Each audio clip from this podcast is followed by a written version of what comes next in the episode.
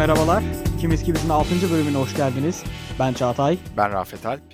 Senin bölümleri girişinde bir e, paternin var. Onu fark ettim ben. Konuya şimdi diye giriyorsun. ben Evet. de seni şey yapayım bu sefer. Şimdi. Bugün seninle aslında çok renkli bir konu konuşmak istiyorum Rafet. Tam da böyle Onur Haftası, Onur Ayı döneminde bu Pride Month döneminde renkli demem de güzel oldu. Onlara da bir selam nedir? olsun. Abi benim bu bölümde konuşmak istediğim şey aslında benim hem hayatımı bana kazandıran hem de bir nevi benim hayatımda olan bir kavram.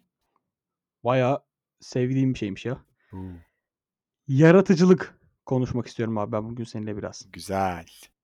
Yani şimdi yaratıcılık dediğimiz kavram geçen bölüm dijital konuşmuştuk. O yine böyle çok tanımlayamadığımız, tanımlamasının zor olduğu bir kavramdı.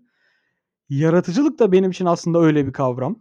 Yani her zaman hayatımın içinde var olan, sürekli kafamın içinde dönen ama bir türlü tam olarak kavramının anlamını çözemediğim böyle tam olarak sözlük anlamını bulamadığım bir kelime benim için yaratıcılık.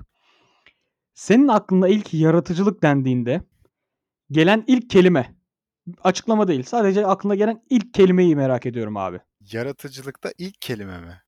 Evet. Yani ben sana şu an sordum direkt. Yaratıcılık eşittir soru işareti. Tamam ben de soruyu e, tekrar sana sorarak zaman kazanmaya çalışıyorum. Acaba ne olabilir diye. Çok çakalca. Çok çakalca. Ya erkeklerin klasik şeyidir işte bu da. Bizim nacizane yaratıcılık ne denir ona? Süzgeçimizden geçen bir strateji diyelim. Hadi bakalım.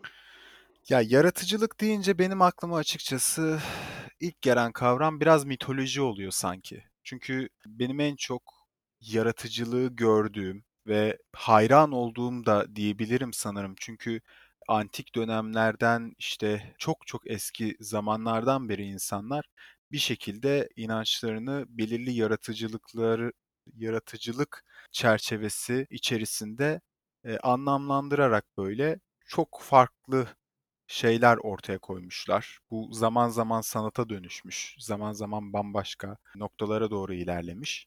E, o yüzden kavram diyorsan eğer hani mitoloji diyebilirim belki. Daha bir sürü şey aklıma gelir elbette ama şimdi ilk aklıma gelen mitoloji oldu. Vallahi hiç bu açıdan bakmamıştım ve aslında hep benim aklımda yaratıcılık deyince yaratıcılık deyince benim aklımdaki kelimeyi söyleyeyim ben o zaman. Hemen bekliyorum. Fa- farklılık. Yani yaratıcılık deyince benim aklıma niyeyse böyle o standart bir tane sunum görseli vardır ya. İşte ma- e, bembeyaz gülen suratlar arasında sapsarı bir tane gülen surat. İşte Evet. farklı, yaratıcı, aralan sıyrılıyor. Hmm. İşte Seth Godin'in kitabı Morinek. Yani işinizde hep farklılaşın gibi. Benim aklıma yaratıcılık deyince abi farklılaşma geliyor. Ve biraz da böyle gelecek yani yenilik, sürekli bir ilerleme, inovasyon. Bu kavramlar titikleniyor benim aklımda. Mesela senin mitoloji demen beni burada ters köşe yaptı. Mitoloji çağlar öncesinde kalmış bir şey. Evet. Ama dediğin çok doğru. İnsanların sürekli tapmak için işte ya da kendini ait hissetmek için ya da e, yönetilmek için yarattığı şeyler var. Yönetmek ve yönetilmek için. Vay. Değil mi? By the people, for the people. Neydi bir de to the people To- öyle bir şey. Galiba. Abi aslında biraz da benim ikinci olarak açmak istediğim konuya sen biraz adım attın. Yaratıcılığı hayatımızın her yerinde görüyoruz. Evet. Ama bana öyle bir grup söyle ki, öyle bir meslek grubu olabilir, öyle bir hobi olabilir. Yaratıcılık olmazsa anlamı olmayan bir şey. Yani şimdi tam Bak ben- yine ters bir soru, zor bir soru. Çok çok ters köşe şimdi ben ters köşe kaldım. Bak cümleyi kuramıyorum böyle. Çünkü ben tam tersini soracaksın sanırım diye düşünmüştüm. Hani acaba öyle bir meslek söyle ki yaratıcılığı kullanmıyor olsun Onu söyle. gibi bir şey. Şimdi onu da düşündüm ama onu cevabını düşün- düşünmedim. Soruyu düşündüm. Ya arkadaşım sen de kendin soruyorsun, kendin cevaplayamıyorsun yahu. Tamam hemen düşüneyim şöyle. Yani ne olabilir yaratıcılık? Bak benim aklıma hiç gelmiyor şu an. Yaratıcılığı bir parça bile olsun kullanmayan bir meslek, bir iş, bir aktivite. Uyurken bile bir yaratıcılık gerekiyor rüyanda farklı şeyler görebilmen için. Ya tabii ki. Yani insan e, hani ya bu böyle bir şeyler ararsak e, bulamayacağız. Belki senin aklında varsa sen söyle de beni kurtar. Bu kadar da köşeye sıkıştırma ama hani söylemek isteyeceğim bu konudaki yani bir şekilde o yaratıcılığın ucundan tutuyor herkes. Veya şöyle söyleyeyim, yaratıcılığı kullanmayı seçmiyor da olabilir şimdi. Belirli meslek grupları vardır, çok rutin işleri yapıyorlardır. İşte memursundur, çok rutin bir iş yapıyorsundur ve sürekli ne denir ona yapman gereken bellidir yani. Senden bir yaratıcılık da beklenmez. Yaratıcı olmayabilirsin ama o noktada yaratıcılığı seçerek çok farklı yaklaşıp işleri daha hızlı da çözebilirsin. Aynen öyle. Yani yaratıcılığın böyle bir etkisi var aslında bence. Çünkü yaptığımız işleri yaratıcılığımızı kullanmadan da bir şekilde yapabiliriz artık çağımızda. Çünkü artık e, genel olarak yapılmamış bir şey yok veya çözümüne bulamayacağımız bir problem kolay kolay karşımıza çıkmıyor. E, bir şekilde bulabiliyoruz. E, sadece yaratıcılığımızı mı kullanacağız? Yoksa hayır, daha önceden yapılmış bir şeyi ben e, o yolu seçeceğim veya e, rutinimden şaşmayacağım da diyebiliriz. Yani o biraz dediğin gibi meslekten ziyade kişiye bağlı. Ama yani benim gözümde örneğin işte sanat, reklam, bunun yanında işte bilim insanlığı. Bunlar sürekli olarak yaratıcı olmak zorunda olan insanlar. Evet. Yani örneğin reklamcı olarak konuya yaklaşayım biraz. Dünyanın en etkili reklamı olsa bile bir şey. Yani işte bilgisayarlar tarafından test edilmiş, işte yapay zeka geliştirmiş. Ee, onun yanında işte otomiz, otomazas, otom, otomasyon süreçlerinden, optimizasyon süreçlerinden geçmiş, işte A-B testlerinden geçmiş falan filan bir iş bilgisayar tarafından yapılmış olsa da içinde farklı bakış açısı bulunduran ve yaratıcı denebilecek bir fikir olmak zorunda bir reklamın ortaya çıkması için. İşte reklamcılar buna insight diyor, işte içgörü diyor. Bu yaratıcılık yaratıcılığı tetikleyen bu nokta olmazsa abi reklamcılık sektörü en azından şu anki bildiğimiz reklamcılık sektörü yok olmaya muhtaç. Kesinlikle. Yani bunu ortaya çıkaran bu reklamcılık kelimesini doldur, altını dolduran şey benim gözümde yaratıcılık. Tamam bunun yanında teknik olaylar işte diğer bütün süreçler tabii ki var. Bunun planlama stra- stratejisi ama yani strateji bilmek için de strateji yazabilmek için de bir yaratıcılığa sahip olmak. O tekniği geliştirebilmek, o teknik yazılımı ne için geliştireceksin? Bir çözüm sunmak için geliştireceksin. O çözümü sunmak için, o çözümü bulmak için yaratıcılığa muhtaçsın. Evet.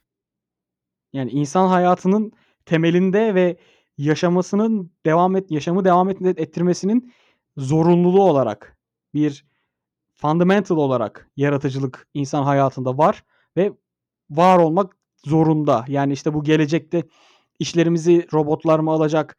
İşte yapay zeka Allah'ım işsiz mi kalacağız? Abi eğer yaratıcı olarak sen işine bir katma değer yapabiliyorsan dediğin gibi yani memursun sadece memurluk yapabilirsin ama bu süreci daha iyileştirmek işte halka daha iyi hizmet verebilmek için sen sürekli yeni bir şeyler kovalamazsan e senin işini alsın zaten robot elinden. Evet kesinlikle katılıyorum.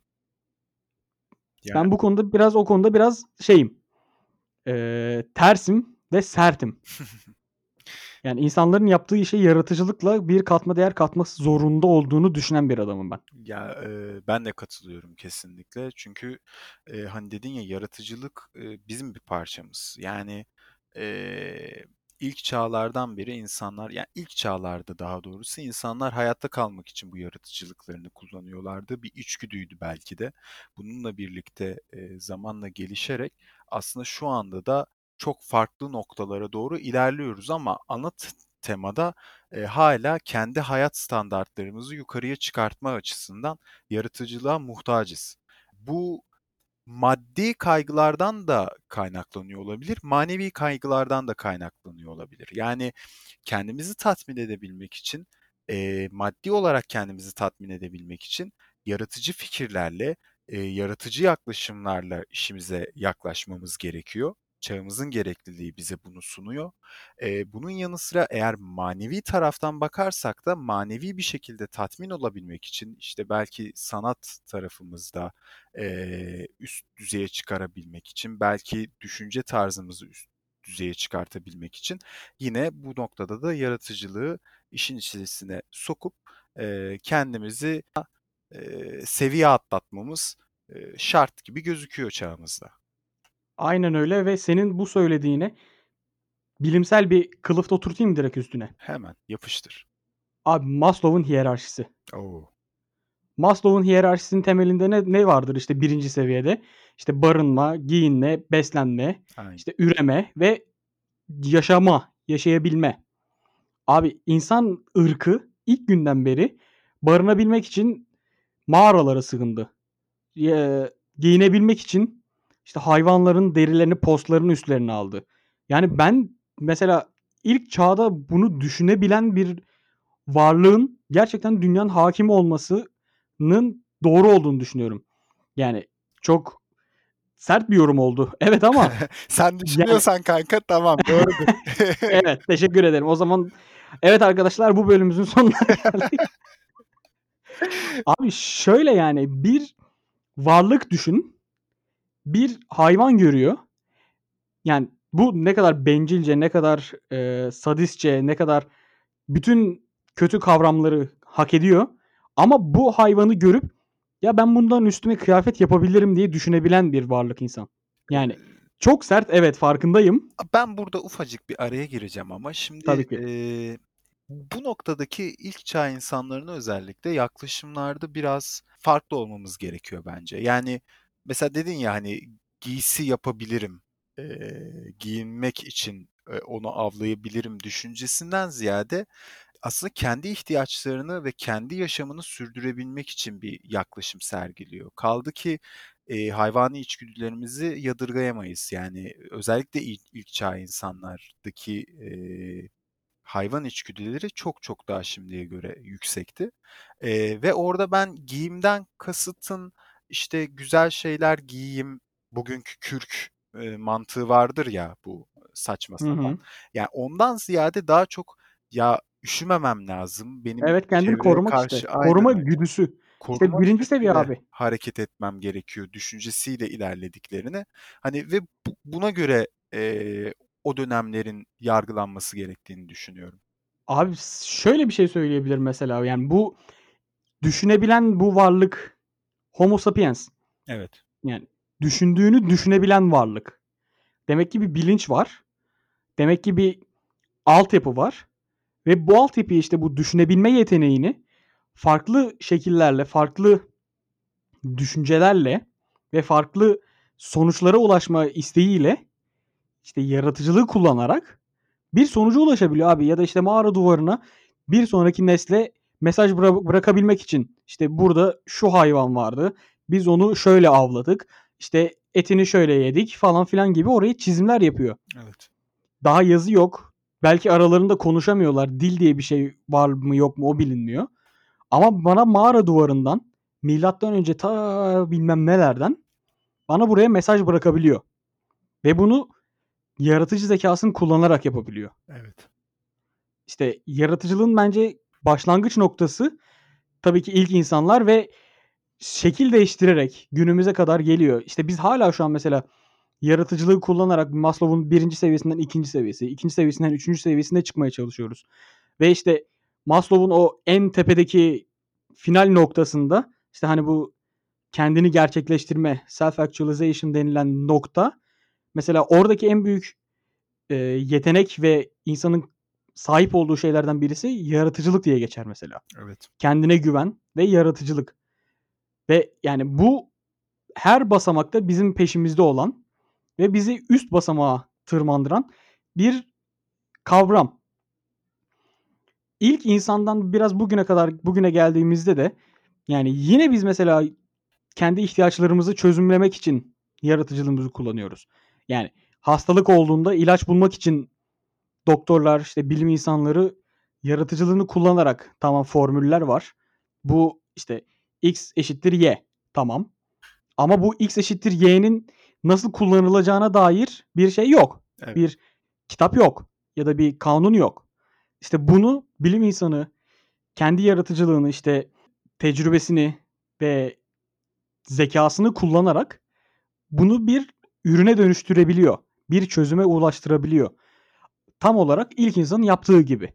Evet. İlk insanın çözümü yemek yemekti. Açtı. Bunu yiyecek, doyacak. Şimdi hastalık var. İlaç bulacak, iyileşecek. Çok benzer şeyler, çok e, benzer paternler insanlık tarihi boyunca devam edecek abi. Tarih tekerrürden ibarettir. Kesinlikle katılıyorum. Yani eee, hani burada belki çağın getirdiği teknolojiler değişecek, belki çağın getirileri Evet. değişecek, eee, şartlar değişecek, imkanlar değişecek. Ama eee, insan hala insan. Eee, insanların duyguları hala aynı duygular aslında.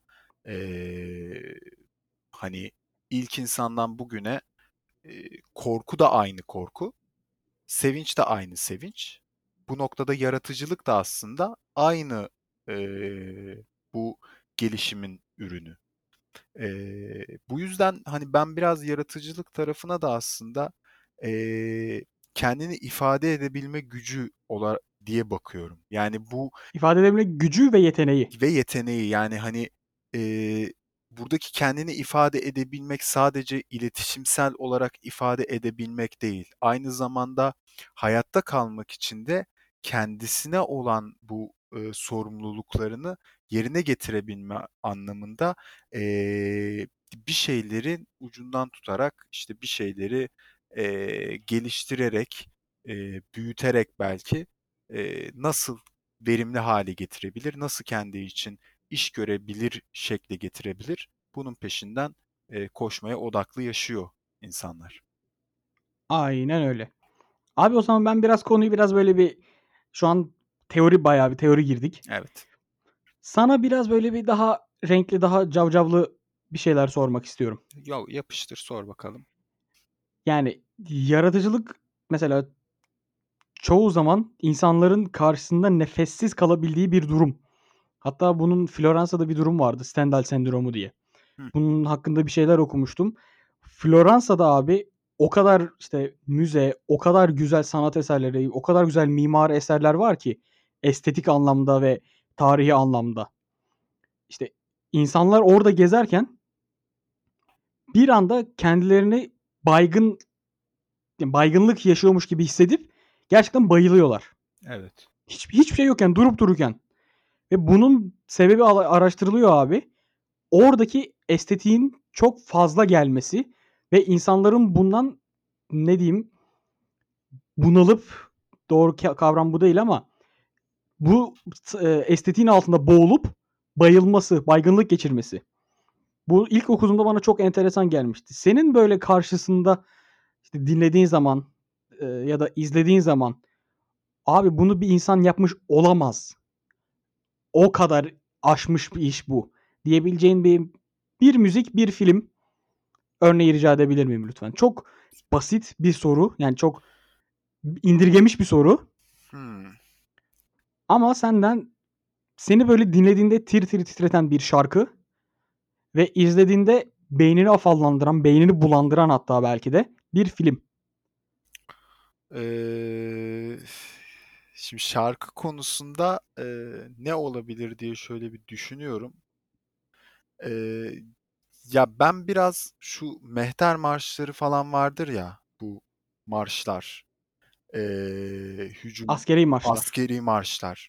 Onlara mesela çok yaratıcı olarak bakarım. Çok farklı eee, bir yansıması vardır bende. Çünkü eee, çok büyük bir gücü sembolize ediyor gibi geliyor bana. Hem düşmana korku salarken Hı eee, hı. kendini güçlendiren bir şey ve bir müzik ve gerçekten etkileyici. Yani ben bugün eee, dünyanın neresinde çalarsanız çalın Mehter Marşı'nın insanları böyle bir ya ne oluyor orada diye heyecanlandıracağını düşünüyorum açıkçası. Hani eee, ilk şu anda böyle bir şey aklıma geldi. Onun dışında ben aynı zamanda işte Kelt müziklerini falan da çok severim. Bak yine da mitoloji. Eee, gibi gibi. Yine onların da aslında gaydayla vs.'yle böyle biraz daha yine aslında, eee, ne denir? Yine savaş aslında, savaş çığlıklarını ben belki de, eee, içeren böyle müzikleri, eee, çok hoştur. Kartal seslerinin falan, eee, içerisinde bulunduğu ve onlar da etkiler beni müzik tarafında.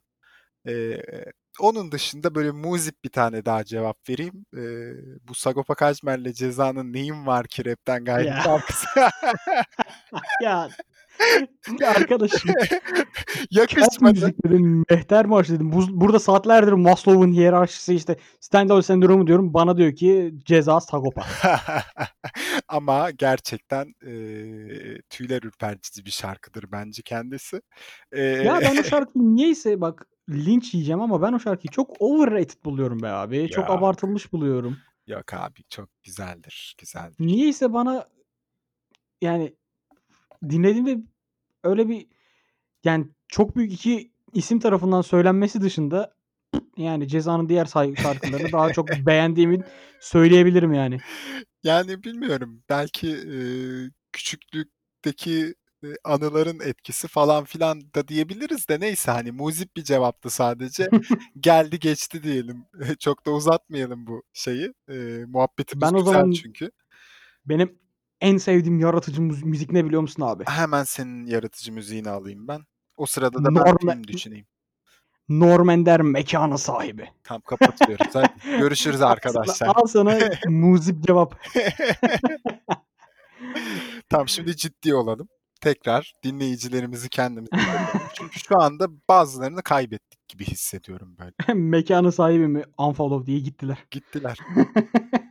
Gelin arkadaşlar. Abi gelin gelin güzel şeyler söyleyeceğiz ya. Benim dinlediğimde ilk dinlediğim günden itibaren bak hâlâ çaldığında tüylerim diken diken eden şarkı çok klişe olabilir. Metallica'nın Nothing Else Matters. Evet. Abi yani bilmiyorum neden, ne hatırlattığını da tam olarak çıkaramıyorum ama dinlediğimde böyle sürekli bir şey hissediyorum. Yani en mutlu anımda olduğumda da mutluluğum artıyor. En üzgün olduğum anında da üzgünlüğüm artıyor o şarkıyı dinleyince. Ve işte o Kirk Hammett'ın orada girişteki o arpejiydi galiba. Arpej mi deniyordu? Gitar çalıyordum eskiden unuttum da işte. O girişi, işte ileride şarkının yavaş yavaş böyle iyice ağırlaşması falan. Oralarda gerçekten bana şey dedirtmişti bu şarkı ilk dinlediğimde. Yani bunu bir insan yapmış olamaz. Yani Bunu gerçekten söyletti bana ya. Hani çok özel bir şarkı zaten. Hani bü bütün dünya bunu böyle biliyor. Eee, ve şarkının bildiğim kadarıyla kayıt, eee, şeyi de çok özenle yapılmış. Yani taş plaklarla bildiğim kadarıyla, eee, taş plaklar üzerine kayıt alınıyor ilk kaydı. Öyle mi? Eee, öyle öyle bir hikâyesi vardı diye hatırlıyorum şimdi. Yanlış da olabilir ama, eee, öyle aklıma geldi. Yani, eee, o dönemlere göre zaten şöyle bir karşılaştırdığında, eee, müziğin bambaşka olduğu, rock'ın bambaşka olduğu dönemler yani. Eee, arşa çıktığı belki de beklentilerin. Yani o yüzden çok özel bir eser bence de. Kesinlikle ve işte bunun yanında tabii ki klasik müzik sanatçılarının da, büyük ustaların da işte Beethoven'dan Mozart'ın da işte Vivaldi'sine Evet. yaptığı eserler hem dönemine gerçekten çok büyük damga vurmuş eserler ve yüzyıllar geçti. Hâlâ adamlar abi şu an en çok dinlenen listelerde üst sıralarda. Yani gerçek listelerde. Bu pop kültürü falan, pop işte güncel listelerin dışında. Adamlar en çok dinlenen kişiler hâlâ ve yaptıkları o kurguladıkları dünya zamanlarını aştı. Evet. Ya, eee, ben, hani, o konuda şöyle bir şey söyleyebilirim. Hani, müzik olarak, eee, işte, Mehter Marşı'ydı, oydu, buydu ama ya, asıl sanırım beni en çok bu dinlediğim, duyduğum şeyler konusunda etkileyen mesele büyük bir orkestranın bir senfoni orkestrasının bazen kusursuz bir şekilde tek bir e, yek vücut halinde böyle bir e, müziği çalabiliyor olması hani Hı gerçekten hı. tüylerimi ürperten bir şey. E, hani sadece bir insan değil, hani bir insan çalar, dinlersin e, ve buna şey diyebilirsin ya çok yaratıcı, gerçekten çok başarılı diyebilirsin. Ama işin içine orada 30 kişi, 50 kişi, 100 kişi işin içine girip de e, gerçekten kusursuz bir şekilde o müzikleri e, senfoni halinde sö- söyleyebildik yani ne denir ona çalabildikleri İcra zaman etmek. icra edebildikleri zaman e, gerçekten bambaşka bir noktaya taşıyor gibi geliyor bana işi. Kesinlikle katılıyorum. Kesinlikle yani şey eserin etkileyiciliğini arttırıp böyle kalbini pır pır yapan bir duruma getiriyor gerçekten. Evet. Ben mesela bir keresinde bir toplantı gibi böyle bir tören gibi bir yerde abi işte toplantının başlangıcında İstiklal Marşı okunacak diye herkes ayağa kalktı. Tamam İstiklal Marşı çok duygu dolu ve insanı etkileyen bir şey. Ama bu böyle askeri bir ortamda abi.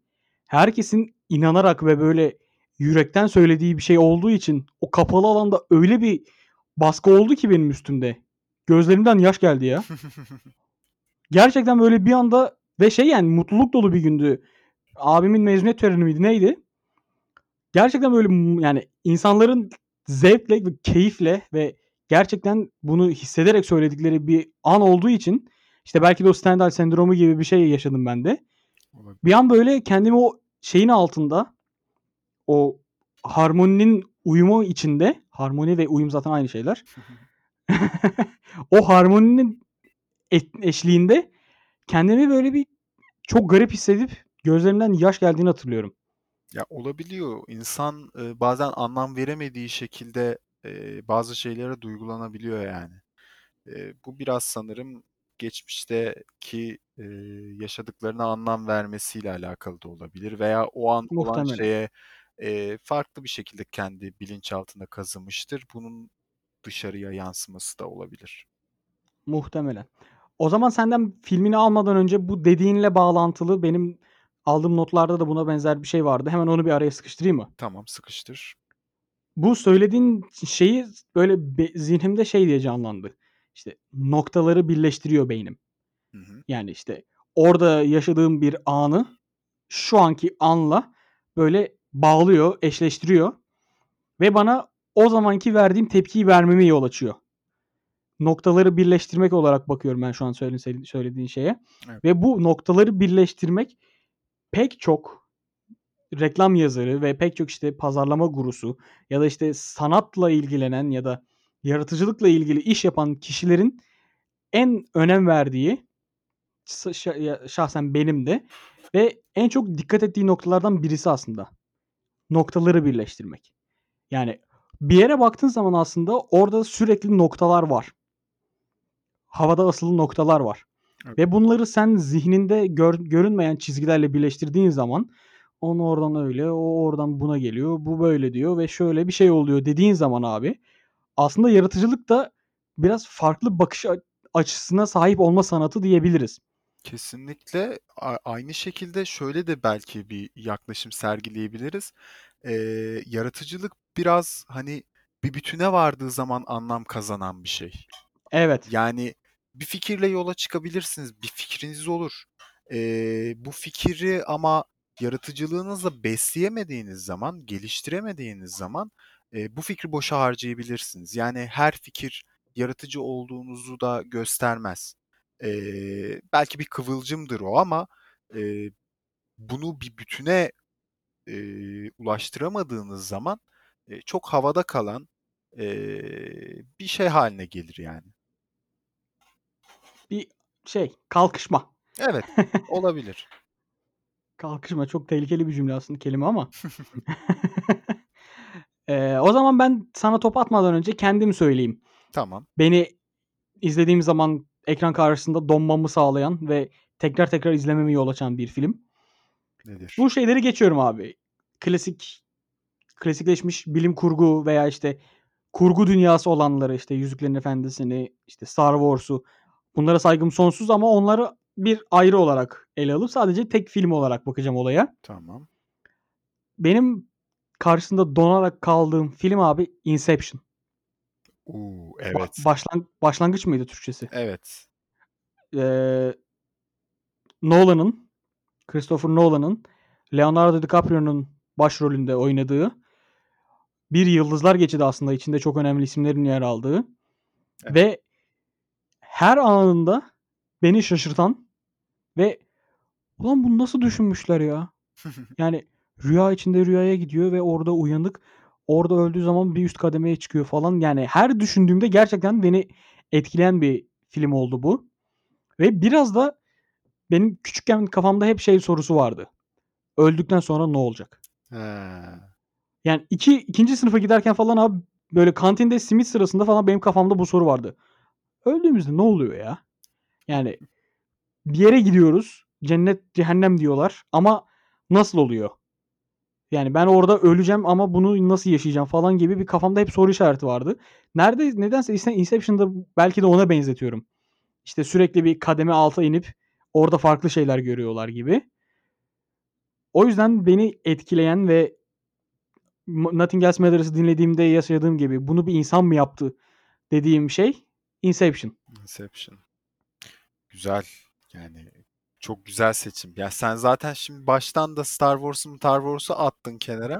Evet abi onları direkt hariç bıraktım Har hariç bıraktın. Onları çıkartınca zaten geriye Christopher Nolan'ın filmleri kalıyor.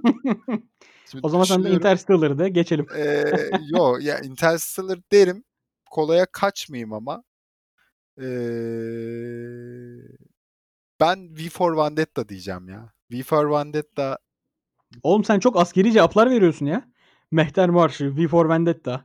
Hadi V bakalım. for Vendetta askeri değil ya. Abi adam şey İngiltere parlamentosunu patlatmaya çalışan eski asker değil mi? Eski bir şey değil miydi o? Eee, eski bir şeydi. Katolik, koyu Katolik. Ha evet. Evet. Yani ya şöyle aslında. Evet şu anda niye öyle bir şeye büründüm ben bilmiyorum ama. Eee, hani o noktada V for Vendetta tarafında beni en çok etkileyen aslında film içerisinde bulunan eee, repliklerdi. Yani eee, belirli replikler hepimizin zaten bu aklına kasın, kazındı. Eee, Bu bu maskenin maskenin arkasında evet. fikirler var. Ve fikirler kurşun geçirmezdir. Aynen öyle. Yani hani bu bu ve bunun gibi birçok aslında şey var. Eee, ve anlatım dili, anlatım tarzı da çok etkileyici gelir bana V for Vendetta'daki. Eee, belki tatmin olma açısından söyleyeyim en azından. Yani etkilenme açısından Star Wars'lardı, eee, işte Avatar beni çok etkilemiş bir eee, filmdir. Gerçekten bunu nasıl yaptınız der gibi. Ama hani birinci sıraya koyacak olsam Lord of the Rings'i koyardım. Şimdi sen İşte benim de e, aklımda o vardı zaten de yani. kestirip attın. Eee, hani ama eee, hani onu koyardım. E, onları da koyamıyorsak aklıma gelen şey V for Vendetta oldu yani. Guy Fawkes eski bir Katolik asker. Evet. Hımm. Onu mu araştırdın? Yani aklıma geldi. Hımm, okay.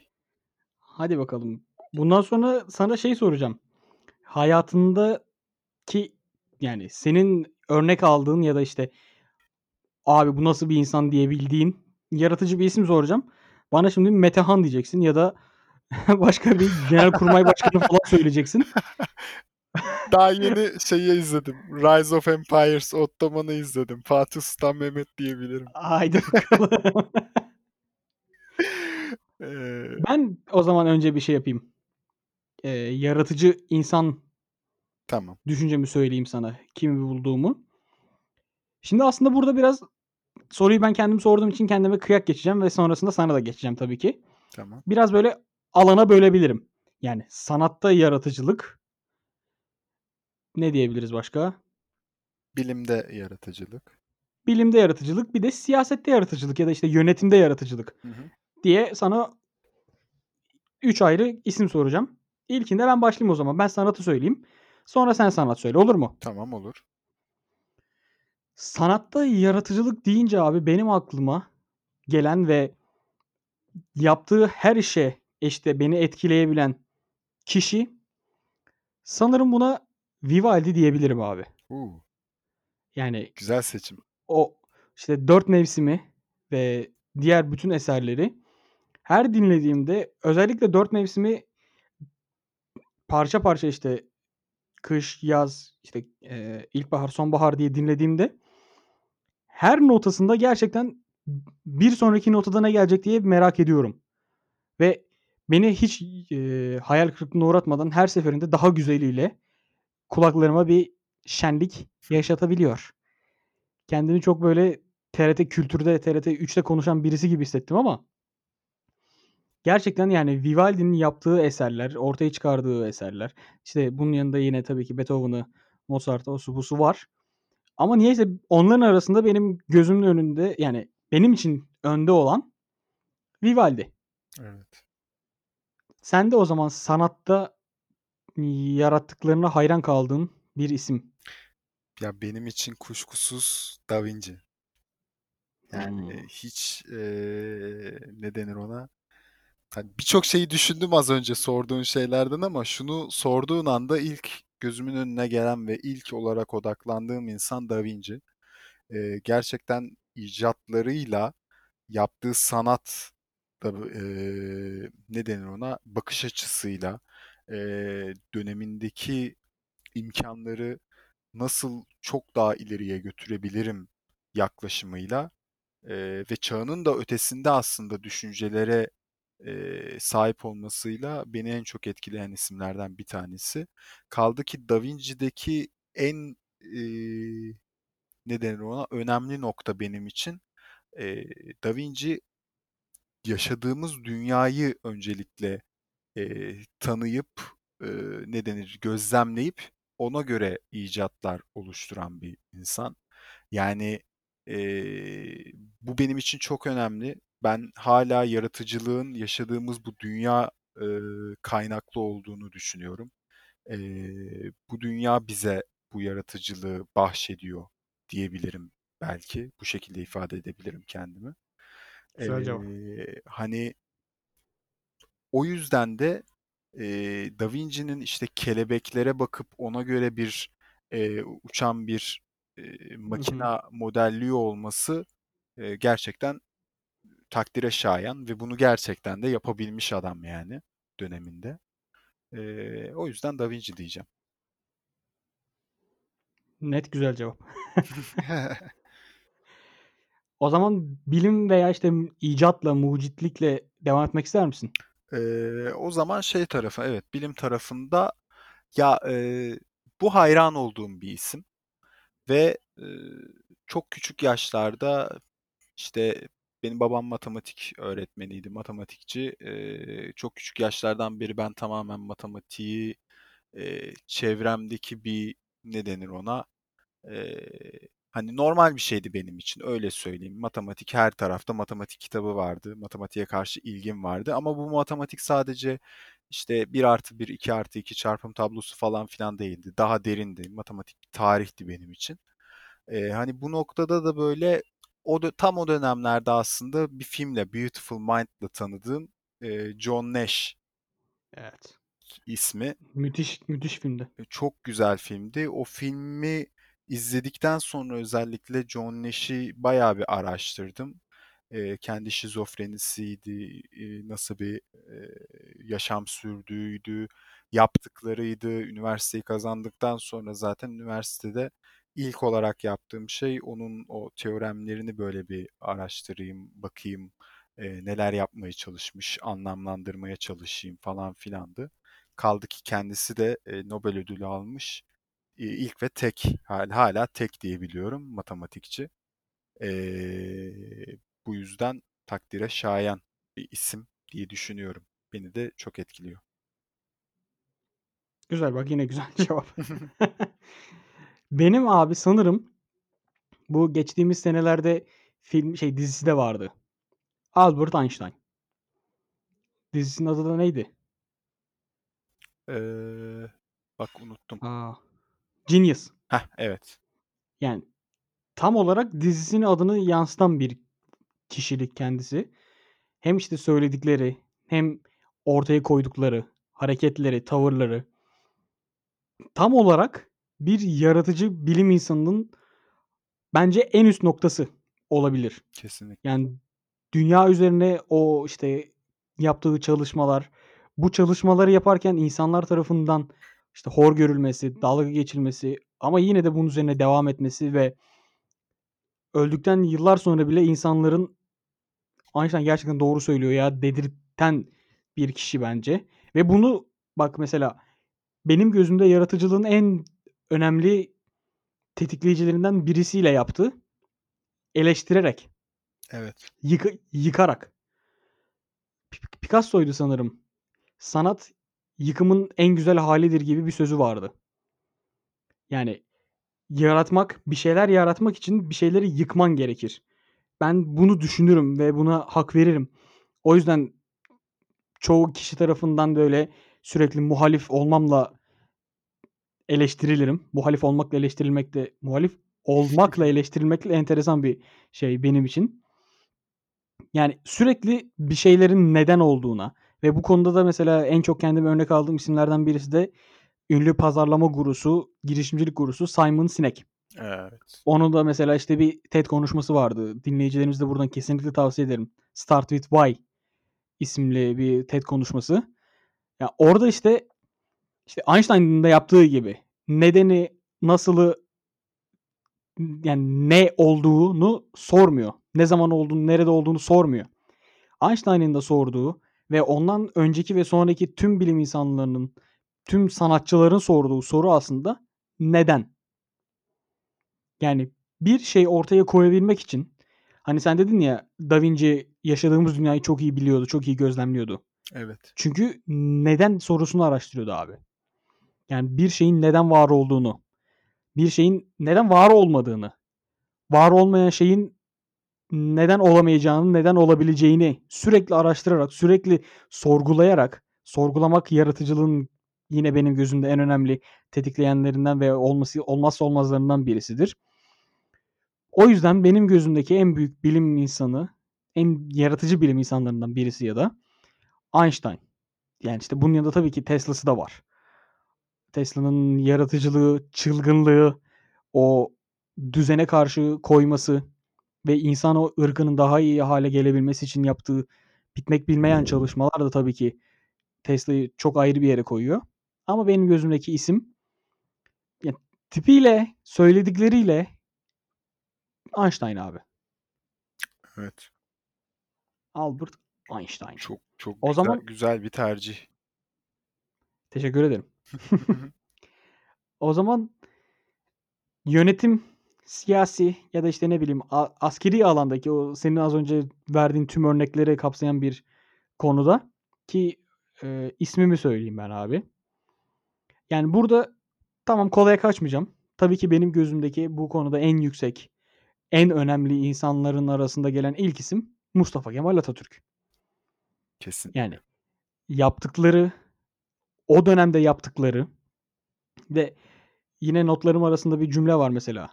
Kendi az önce aldığım notlar arasında. Yaratıcılık abi kriz anlarını sever.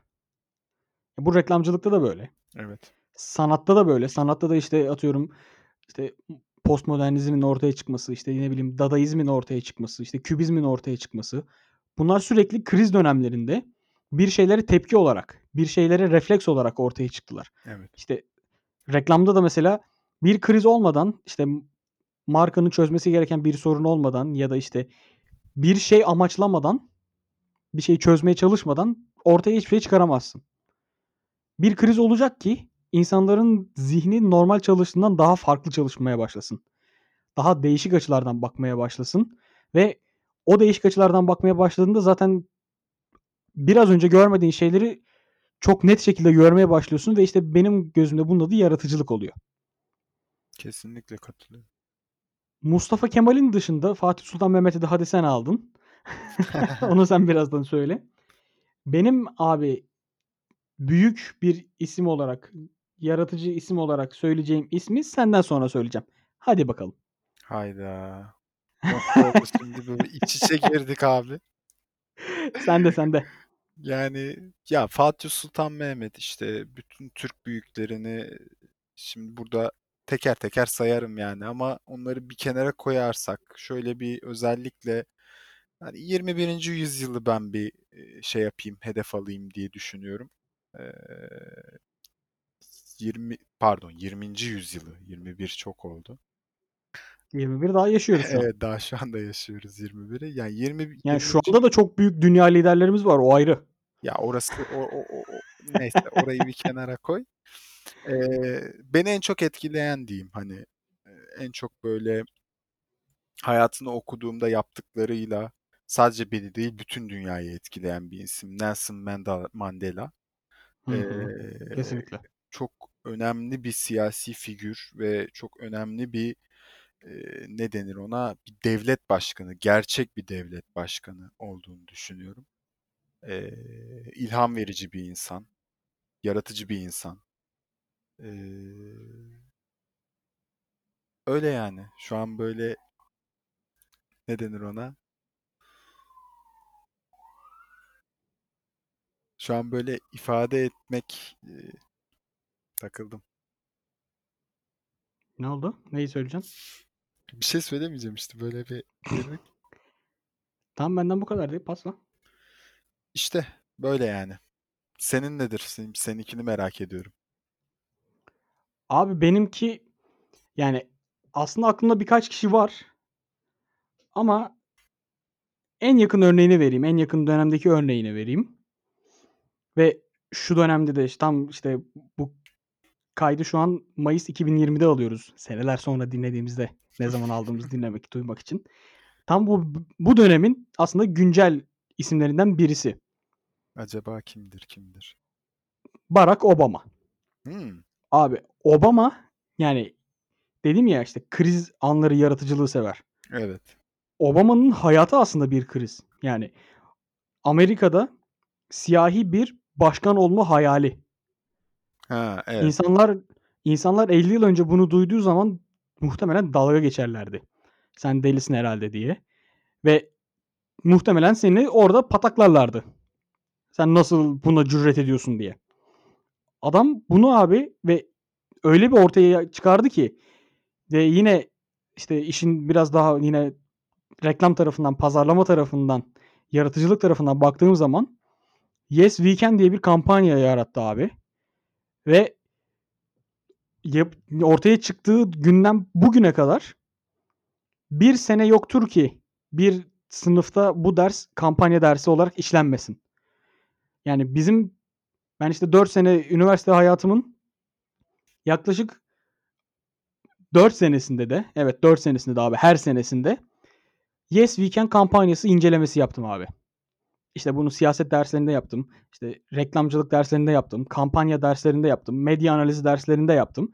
İşe hep farklı alanlardan baktım ama her alandan baktığımda da kampanyanın ne kadar büyük, ne kadar doğru ve aslında insanların ihtiyaçlarını ne kadar doğru çözümler sunabildiğini gördüm. Yani Barack Obama'yı gerçekten bir lider olarak ortaya çıkaran ve siyahi komünitenin yanında, siyahi topluluğun yanında beyazlar için de bir değişim olabileceğini, evet bizim yapabileceğimizi gösteren bir isim. Yani bunun Obama'yı şu an yaptığı işte politik hareketler, aldığı kararlar, işte savaştır, odur budur olarak yorumlamadım. Evet. Sadece ortaya çıkış hikayesi olarak bana ilham veren bir isim. Yani zor durumlardan dünya liderliğine çıkmış bir isim gerçekten. Evet. Kesinlikle. Geçmişinde de geçmişinde de çok önemli başarıları var. İşte e, okul okurken ya da işte meslek hayatında e, sonra e, senatör olmaya girdiğinde yaşadığı başarılar elbette var. Ama başkan olma yolundaki o hikayesi, Yes Weekend hikayesi muhtemelen Obama'nın da bence bir filmi çekilmeli. Yani, Yani- çekilecektir diye düşünüyorum ben. Yani Amerika e, böyle şeyleri es geçmez genellikle. Bir e, pazar haline getirir veya pazarda bir ürün haline getirir. Ama Kesinlikle ve hak eden de bir isim. Yani hak eden dediğim yani pazarlama objesi olmayı seven de bir isim. evet, yani yapar, Bunu çok iyi seve seve kullanabilen bir yapar. isim. Yani mesela adamın kendi Spotify'ında haftalık playlist'leri falan yapıyor kendisi. A! Bilmiyordum bak. Öyle bir şeyi vardı onun. Eee, işte bu hafta bu müzikleri daha çok dinliyorum falan gibisinden. Ve işte Twitter'ı kullanma döneminde işte o POTUS hesabı, President of the United United States hesabı bunda olduğu dönemde işte Twitter'ı ekibiyle birlikte kullanma biçimi. Evet. Tabii ki bunları kendisi yapmıyor. Bir ekibi var ama işte önemli olan da bu ekibi doğru yönlendirebilmek ve bu ekibin sana inanması. Bak bu noktaya o kadar çok katılıyorum ki. Çünkü, eee, liderlerin, bir işin başındaki insanların, eee, insanlar için o ekibi yönetmek, o ekibi seçmek, o ekiple bir birlikte çalışmak o kadar önemlidir ki o ekip ne yaparsa yapsın başarısı hem bütün ekibindir hem de liderindir. Çünkü lider orada başarıya götürme noktasında çok önemli, eee, bir birleştirici unsurdur. Yani ben Kesinlikle. öyle görürüm. Eee, o yüzden zaten liderler her zaman için çok çok, eee, önemli yerlere sahiptir. Yani Yani eee, he her ne kadar işte günümüzde, eee, kolektif bir şekilde bir şeyler yapmaya çalışıyor olsak da ya insan doğasından dolayı öyle ya da böyle küçük gruplar içerisinde de büyük gruplar içerisinde de belirli liderler ortaya çıkıyor. Bu insan gücü içgüdüsünden yine belki kaynaklı. Belki yaratıcılığa karşı bakış veya yaratıcılık enerjisiyle de alakalı olabilir. Eee Yani o enerjiyi yönlendirebilecek ve yönlendirmeyi becerebilen birisi gerekiyor abi. Mutlaka Yani çıkması gere ya bunun eski kafa, patron kafasından Değil, değil. ziyade Hiyerarşiden lider. bahsetmiyoruz şu an. Aynen öyle. Hiyerarşiden bahsetmiyoruz yani alt üst ilişkisi değil. Aynen. Lider dediğimiz kişi zaten patron değildir ya da, eee, senin üstün değildir. Evet. Lider dediğin seninle birlikte o işi yapabilen ve sana doğru yönlendirmeyi yapabilen, yapması gereken kişidir benim gözümde. Aynen öyle yani. Tam olarak Ve ifade etmek istediğim şey bu. Tam olarak aslında böyle dediğimizde ve Yaratıcılık isimli bir bölüm kaydettiğimizde anmadan geçemeyeceğimiz bir isim mesela benim aklımda var şu an abi. Steve Jobs. Abi adam deli. Yaratıcılık delisi. Evet. Sürekli kafasında farklı fikirler. Sürekli farklı projeler. Ve adam kendi şirketinde $1'la çalışıyordu abi. Yani, eee, Steve Jobs o kadar garip bir insandı ki özellikle şu dönemdeki ben, eee, şirket patronları mı diyeyim, işte bu ne denir ona? CEO'lardı, işte Elon Musk'tı vs. vs. Hı hı. hani birçok insanı şu an, eee, sosyal medyayla falan filan karşımızda görebiliyoruz, şey yapabiliyoruz. Eee, ben Steve Jobs'ın bir an Steve Nash diyecektim az kalsın. Yok o farklı. O farklı, çok farklı. Steve Jobs'ın, eee, elinde şu anki dönem şu anki dönemden belki fazla değil ama şu anki döneme yakın imkânlarının bulunduğunu, kendini, eee, bütün dünyaya bir teknoloji ilahı olarak lanse edebilecek güce sahip olduğunu düşünüyorum. Ama hı. hiçbir zaman bunun peşinde koşmamış bir insan olarak da benim hafızamda yer etti. Yani kibirli olması, karakterinin kötü olmasından her zaman için bahsedilir. Hı Ama ben Steve Jobs'ın eee, şöyle geçmişe baktığım, araştırdığım zaman hiçbir, eee, zaman böyle, eee, ne denir ona? Pazar hevesiyle hareket ettiğini düşünmüyorum, görmüyorum. Bilmiyorum doğru mu, ııı, değerlendiriyorum, yanlış mı değerlendiriyorum ama, eee, daha çok gerçekten üretmek, gerçekten Evet. yeni çözümler bulmak, yenilikler ortaya koymak, inovasyonu ortaya koymak, eee, ve Ve estetiğin peşinde koşmak. Tam olarak onu diyecektim ve estetiğin peşinden koşmak, eee, bu adamın yaptığı. O yüzden gerçekten çok takdir edilesi bir yaratıcı diyebilirim. Bu bir tane kutu gibi bir şey yaptırıyordu ya. Evet. Neydi? Next miydi? Eee, galiba Next diye bir şey. Bu okullara dağıtmak için yaptırdığı. Evet ve bunun tasarımı için ne kadar süre harcıyordu? Evet. Ne kadar büyük bütçeler harcıyordu. Ve ne kadar Yani derin düşünüyordu.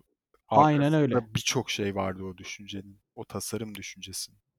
Aynen öyle. Abi şey Steve Jobs'ın bir sözü var. Ben bu sözü bugün de çok böyle şey quotation quotation gidiyorum. Alıntı alıntı gidiyorum böyle. Şey araya sürekli alıntı sokan şey gibi oldum. Yaşlı amcalar gibi oldum. Yok yok güzel güzel bence çok besleyici oluyor. Steve Jobs'ın abi hatta şöyle direkt olaya şöyle gireyim. Steve Jobs bir üniversite mezunu değil abi. Evet. Hiçbir üniversiteden mezun olmadı. Bir diploması yok. Ve Steve Jobs Oxford'da yanılmıyorsam Oxford'da veya Harvard'da Harvard olabilir. Harvard'da Harvard mezuniyet törenine onur konuğu olarak katılıyor. Davet ediliyor. Harvard'da evet.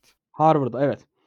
Ve Harvard'da Steve Jobs'ın konuşmasından bir cümle benim her zaman motivasyon düsturum olarak kenara not ettiğim bir cümle abi. Stay hungry, stay foolish. Oo. Bu cümleyi ben şeyde de söylemiştim. Şimdi biraz hava atayım. Benim kendi me- mezuniyet töreninde yaptığım konuşmada da söylemiştim. Ve orada da yine aynı şekilde girmiştim hikayeye. Mezun ol bir üniversite mezunu olmayan Steve Jobs davet edildi falan filan. Stay hungry, stay foolish şu demek abi. İşte her zaman aç kal, budala kal şeklinde. Onu da şöyle açıklar. Bu her zaman ilk işiniz gibi bilgiye aç kalın, bilgiye aç ve muhtaç kalın. Stay hungry, stay foolish. Kendinizi bilgiye adayın. Yani adam sadece dört kelime söylüyor. Stay hungry, stay foolish. Ama altında o kadar anlamlı şeyler var ki bunun. Kesinlikle katılıyorum. O söz gerçekten beni çok etkilemiş bir sözdür. Bir başka söz var mesela benim etkilendiğim ve zaman zaman kullandığım bir söz. Yılmaz Erdoğan'ın bir film vardı Vizontele. Hayda. Ve burada Yılmaz Erdoğan'ın bir repliği vardı. Hangi? Şerefsizim benim aklıma gelmişti. Abi bu bence bak yaratıcılık sektöründeki insanların minimum %80'inin %90'ının kurduğu bir cümledir. evet. Bir fikir gelir aklına ya bunu yapmaya üşenirsin ya yapmak için eee, çeşitli desteğin yoktur. İşte eksiktir bir şeydir ya da işte marka kabul etmemiştir falan filan. Bundan birkaç ay sonra bir de hep böyle olur. Sen bunu düşünürsün birkaç ay sonra buna denk gelirsin. Benim çok başıma geldi işte. Fikri buluyorum, bu müşteriye sunuyorum. Bir şeyden dolayı red oluyor ya da işte biz yapım aşamasındayız o sırada gibi. Bakıyorum karşıma bu iş çıkıyor abi. Ve net direkt söylediğim şey bu. Şerefsizim benim aklıma gelmişti. yani güzel yaklaşım. Bu cümle abi bir Steve Jobs'ın cümlesi, iki Deli Emin'in cümlesi şerefsizim aklıma gelmişti. Benim gün içinde kullandığım cümleler. Bugün hiç yan yana gelmeyecek şeyleri yan yana getiriyoruz. Hadi bakalım. Abi bir de dur lan bir de niye diye girdim. Heh. Son olarak o zaman yavaş yavaş bence bölümümüzün sonuna gelebiliriz. Toparlama Toparlayalım. toparlama bağlamalarına başlayalım. Bu eleştir işte neden işte nasıldan ziyade neden neyden ziyade neden sorusunu sorm düsturunu bir de bir kitapta görmüştüm abi. John Hegarty'nin Yaratıcılık ismi isimli kitabı. Bunu böyle şeylerde kitaplar kitapçılarda falan görmüşsünüzdür. Eee Medyaket yayınlarının sarı kapaklı çok tatlı bir kitabı. John Hegarty dediğimiz abi şu an dünyanın en büyük kreatif ajanslarının, kreatif networklerinden birisi olan TBW'nin kurucusu. Evet. Yani TBW ismini sektörde olmayan kişiler bile bilebiliyor. Önemli bir ajans ve işte John Hegarty bunun kurucusu. Onun mirası bir ajans. Bu yaratıcılık kitabında da mesela benim altını fosforlu kalemlerle çizdiğim. Normalde kitap altı çizmeyi sevmem. Kitaba bir saygısızlık olarak görürüm ama bu kitabı, bu cümleyi altını karalayacasına kadar çizdiğim şey işte bu nedeni öğrenin. Bir şey yazmadan önce, bir şey çizmeden önce, bir şey düşünmeden önce nedeni öğren. Neden bunu yapıyorum? Neden bunu yapacağım? Neden yapmam gerekiyor? Gibi bu nedenleri sürekli eleştirerek işte duvarları yıkarak yapabildiğimiz zaman aslında ortaya güzel bir şeyler çıkarabiliyoruz. Kesinlikle. O zaman yavaş yavaş veda zaman edelim mi? ben de son sözlerimi söyleyeyim şöyle. 3 tane Dinliyorum. eee, başlığım var hızlı hızlı ben onları da geçeyim. Eee, şimdi hani baştan beri yaratıcılık diyoruz. Böyle yaratıcılığı 3 kavramla aslında eee, veya 3 başlıkla kendime göre özetlemem gerekirse ya birincisi farklılık farklılık dedik ya. Hı Herkesin hı. bir yaratıcılık dili var ve herkesin bu dili farklı.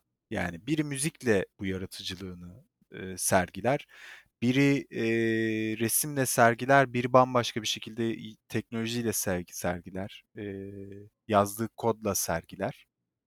E, veya birisi bambaşka şeyler ortaya koyar. E, ikinci olarak yaratıcılık biraz inatçılıkla alakalıdır.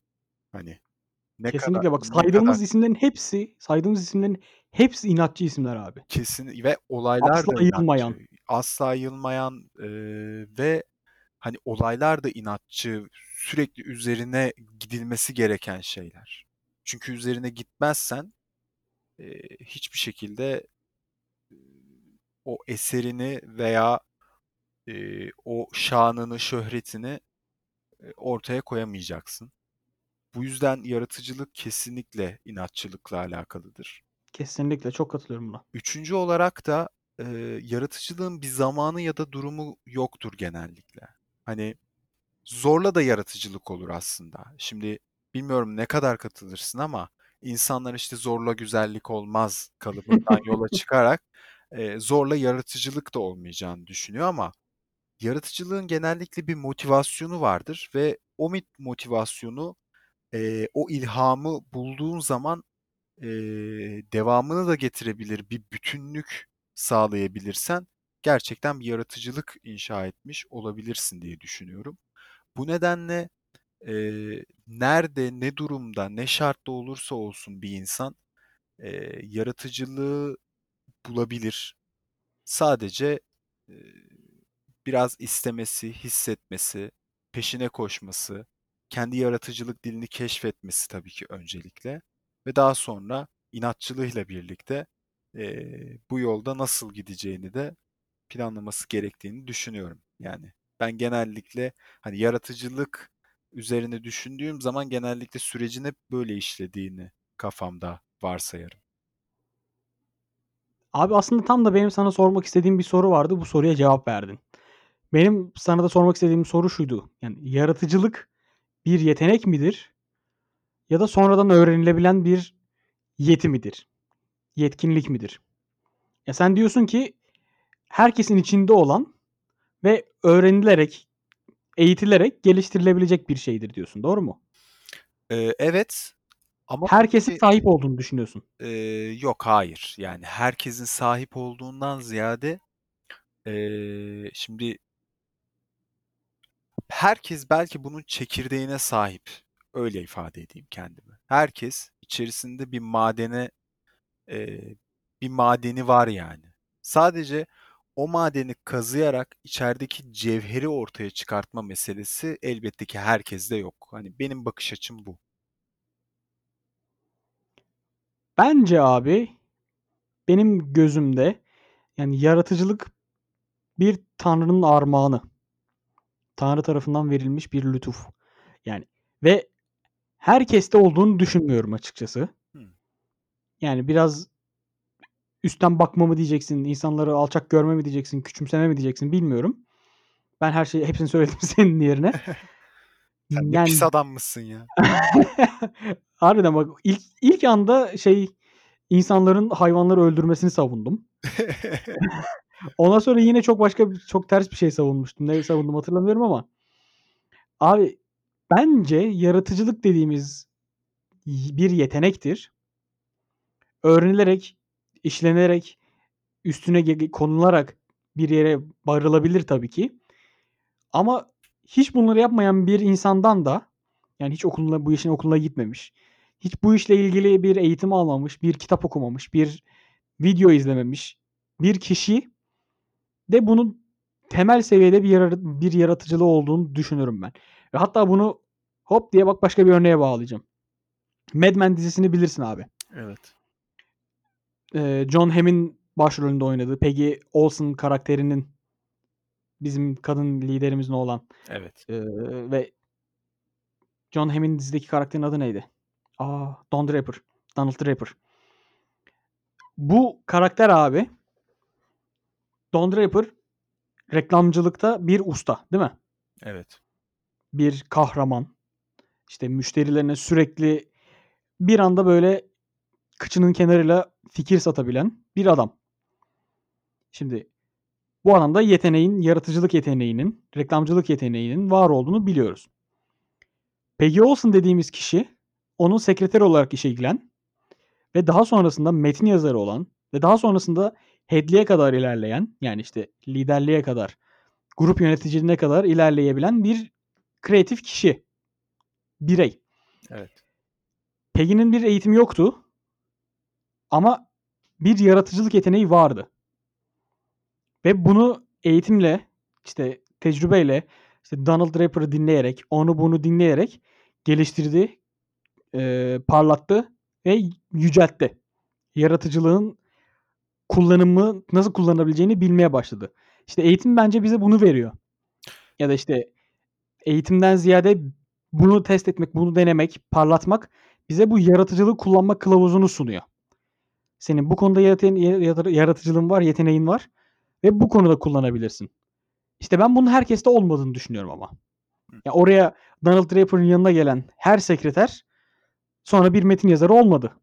Ee, ya katılıyorum bu noktaya ama Çok düz baktım bu arada olaya farkındayım ama yo düz değil. Ee, ya mantıklı da olabilir. Hani bunun kesin ve net bir cevabı da yok aslında. Hani öyle bir şeyi konuşuyoruz şu anda aslında. Ama ee, evet bak ben böyle çevreme baktığım zaman ee, işte az önce dedik ya mesleklerde insanlar ee, her meslekte bir şekilde yaratıcılığı ortaya koyabilirler diye. Yani buradaki meselenin ben özünde e, insanların kesinlikle eğitimin e, çok önemli bir faktör olduğunu düşünüyorum.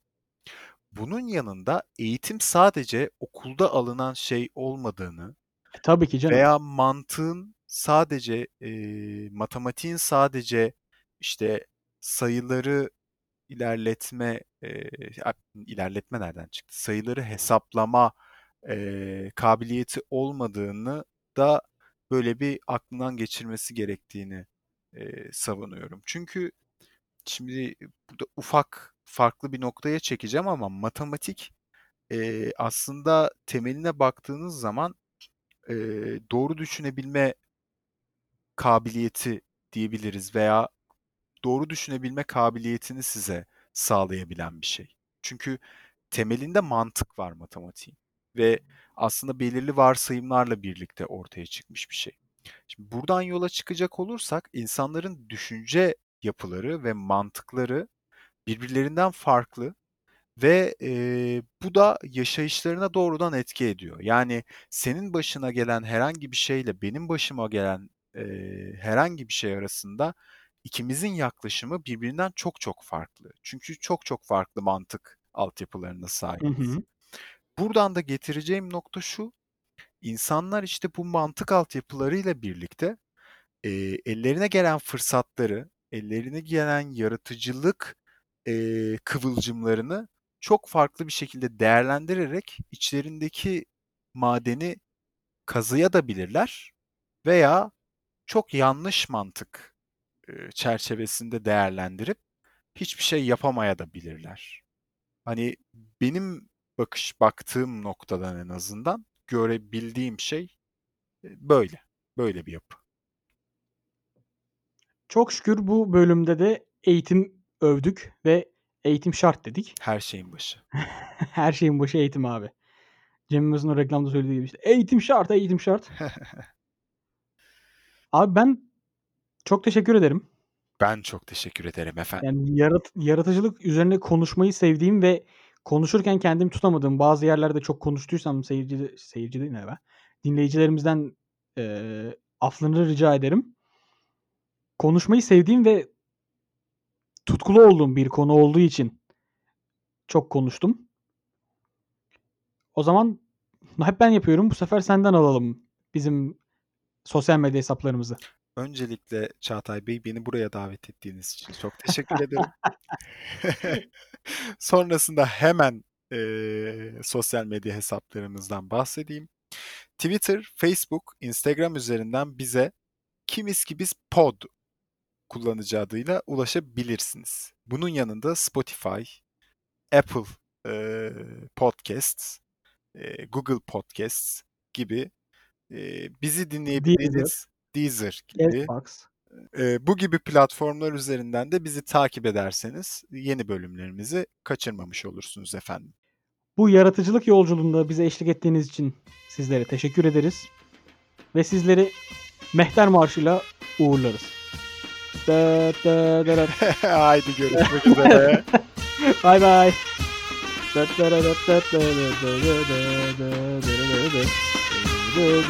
Lan lan.